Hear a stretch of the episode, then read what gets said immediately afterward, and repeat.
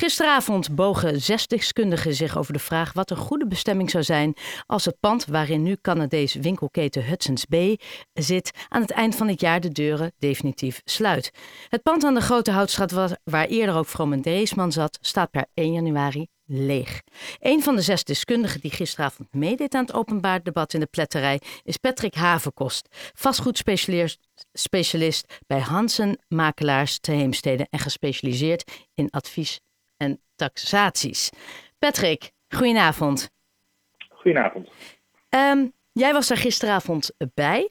Kan jij in het kort een samenvatting geven van wat gisteravond is besproken? Jazeker. Um, zoals gezegd, um, een zestal sprekers, iedereen uh, met een eigen specialiteit. iedere uh, spreker heeft zelf aangegeven hoe ze aankijken tegen de leegstand in de binnenstad leegstand spreekt dan een problematiek ten aanzien van de winkels. En daarnaast ook wat zij zelf denken wat de meest aansprekende aanwending zou zijn voor uh, het pand mocht Hudson Bay het pand verlaten. En, en wat kwam daaruit qua, qua ideeën voor het pand? Uh, nou, heel breed. Uh, uiteraard heeft ieder natuurlijk zijn eigen voorkeuren, ook vanuit zijn eigen achtergrond. de stadsarchitect had mijn optiek Willemijn Schenk in deze een uh, uh, vrij verrassende insteek, namelijk een, uh, een privaat gefinancierd cultuurpaleis. Privaat gefinancierd vanuit vermogende bloemendalers, aardehouters, heemstedenaren.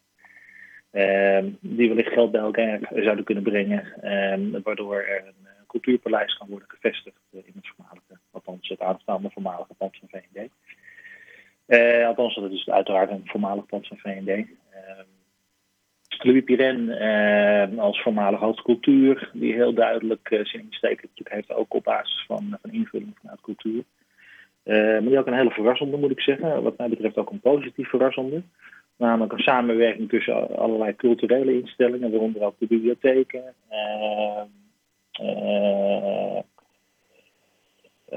Frans Hals Museum bijvoorbeeld, daar diverse vestigingen van, van samenvoegen en huisvesten. En dat eventueel te financieren door verkoop van de bestaande locaties. Oké. Vond, oh. vond, ik een hele leuke. Ja. Uh, en eigenlijk hebben uh, de andere sprekers, waaronder ook uh, de historische vereniging Haarlem, Gert-Jan Slot van Locatus, Hans Evers van Photo Solutions en ondergetekende, meer gekeken van nou, wat is nou echt direct commercieel haalbaar. Maar heeft, heeft iemand toevallig woningen genoemd? Ja, zeker. Jazeker. Uh, de laatste vier, uh, waaronder ik, hebben heel duidelijk gezegd uh, dat wonen ook zeker een hele belangrijke invulling kan zijn en waarschijnlijk ook is voor het pand. Met name ook vanwege het feit dat je er ook een commercieel haalbare invulling moet maken. Ja. En, en nou is mijn opinie, maar nogmaals, jij bent een specialist en ik alles behalve. het is een heel groot pand. Dus voor en daar heeft tot nu toe VND alleen in gezeten, Hudson's Bay alleen in. Is dat überhaupt nog rendabel of überhaupt haalbaar voor één winkel om zo'n groot pand uh, te bezetten? Nee, ik, uh, ik denk van niet. Uh, ik ken namelijk geen segment, of sorry, geen exploitant momenteel in Nederland. Of een ex buitenlandse exploitant, internationale exploitant die naar Nederland zou willen komen, die het pand zou willen huren. Uh, en ik denk ook, en daar zijn we het ook eigenlijk allemaal over eens, dat die tijd geweest is. Ja. Want zelfs Bijkorf is nu shop-in-shop geworden. Ja, nou, dat doen ze natuurlijk al langer. En ook Bijkorf heeft heel duidelijk keuzes gemaakt een aantal jaren geleden, een flink aantal jaren geleden, om de minder uh, rendabele locaties af te stoten en juist meer te investeren in de goedlopende locaties. En daar dan ook bewust kiezen voor het hoge segment, het hoogste segment. Ehm, en ja, voor zover ik kan zien, uh, draait dat goed. Uh, af en toe kijkt natuurlijk ook wat naar die cijfers. Ehm, en met name uh, de bijkorf zie je dat ze goede resultaten halen. maar of dat op de lange termijn ook nog steeds een, een haalbare exploitatie is, dat moeten we afwachten. verwachting is dat daar ook in de toekomst op sommige locaties nog problemen ontstaan. Kijk, iedereen begrijpt dat bijvoorbeeld uh, op een, uh, een, beste locatie in Amsterdam, in de Amsterdamse binnenstad, met alle toeristen, een goede locatie uh, en een goede exploitatie haalbaar is. maar op mindere locaties dat het toch wel lastig wordt. Omdat het moeilijk is in de huidige tijd van specialisatie voldoende onderscheidend te zijn om voldoende publiek binnen te halen. En vooral voldoende bestedingen binnen te halen. Want publiek is leuk, kijkers zijn leuk, maar je moet uiteindelijk ook kopers hebben om een, positieve exploitatie te kunnen hebben. Ja, logisch. En de competitie is uh, op, een gegeven moment ook wel redelijk moordend. Um, in het Haarlems Dagblad stond gisteravond na afloop van de bijeenkomst dat de angst bestaat dat het pand wel eens voor langere tijd leeg kan blijven staan. Uh, ik quote nu uh, even Gert-Jan Slop van onderzoeksbureau Locatus. De kans is klein dat het snel een nieuwe invulling krijgt. Dat kan jaren gaan duren als de ontbinding van het huurcontract tussen Hudson's Bay en eigenaar ASR Vastgoed uitloopt op een juridische strijd. Uh, wat is jouw uh, visie daarop? Nou, vooropgesteld dat ik het met veel dingen uh, die Gertjan zegt eens ben, ben ik het met hem niet eens als het op dit punt gaat. En dan moet je eigenlijk ook eventjes naar de juridische achtergrond kijken van dit, van dit probleem. Ten eerste, er is een huurovereenkomst die langjarig loopt. in principe tien jaar. En er is nog zeg maar een, ik schat even in, een 8, 8,5 jaar van te gaan. Het resteert nog. Normaliter is het zo dat je een huurovereenkomst moet uitdienen. Op het moment dat er een financieel probleem ontstaat, en die dient zich aan, in de vorm van een mogelijke surveillance. We weten allemaal dat uh, soms bij uitstel van betaling heeft aangevraagd. Dat is meestal voorbode van surveillance. Ik heb vandaag het nieuws niet gevolgd, dus ik weet niet wat de huidige, status is. Maar ehm, Uitstel van betaling is de voorbode van surveillance. En surveillance is weer, uh, of is dat hetzelfde overgrond.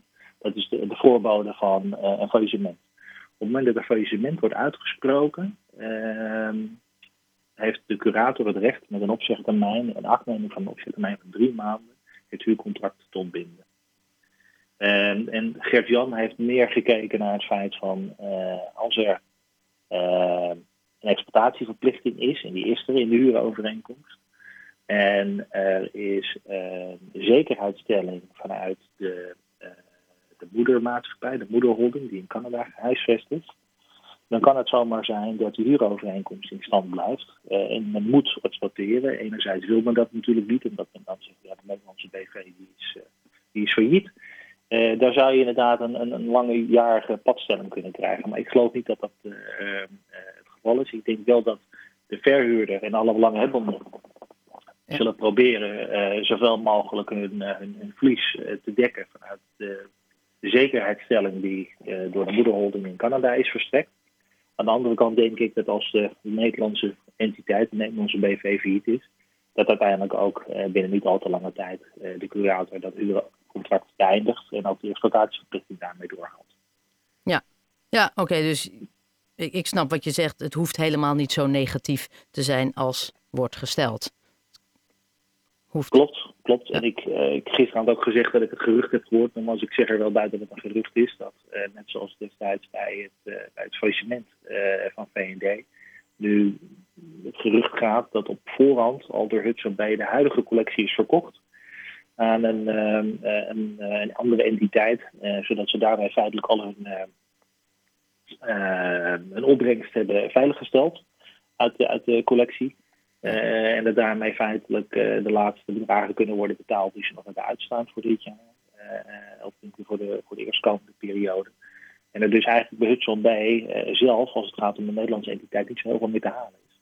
Okay. Natuurlijk, er is een zekerheidsstelling vanuit de moedermaatschappij. Er zullen ongetwijfeld behoorlijk wat procedures worden gevolgd met een entiteit in, in Canada om te kijken of ze daar schade kunnen verhalen. Maar daarmee blijft uiteindelijk wel het feit overeind dat de Nederlandse entiteit waarschijnlijk binnen niet al te lange tijd uh, uh, zal worden. Okay. Waardoor nogmaals die huurovereenkomst kan worden beëindigd. Nou ja, uh, ik ben heel benieuwd uh, hoe deze soap zich, ja, hoe, hoe, hoe, dat eindigt. heel erg bedankt Patrick voor jouw interview. Ik wilde heel kort nog even um, toevoegen voordat we naar de break van half zes gaan. Dat ik heb gesproken met Jordi van Baardewijk. Hij is persvoorlichter bij de ASR Real Estate, eigenaar van het pand. En hij laat mij het volgende weten. Wij vinden het goed dat mensen met elkaar in gesprek gaan. En de informatie die uit de bijeenkomst van gisteravond in de pletterij naar voren is gekomen, nemen we mee in onze overwegingen.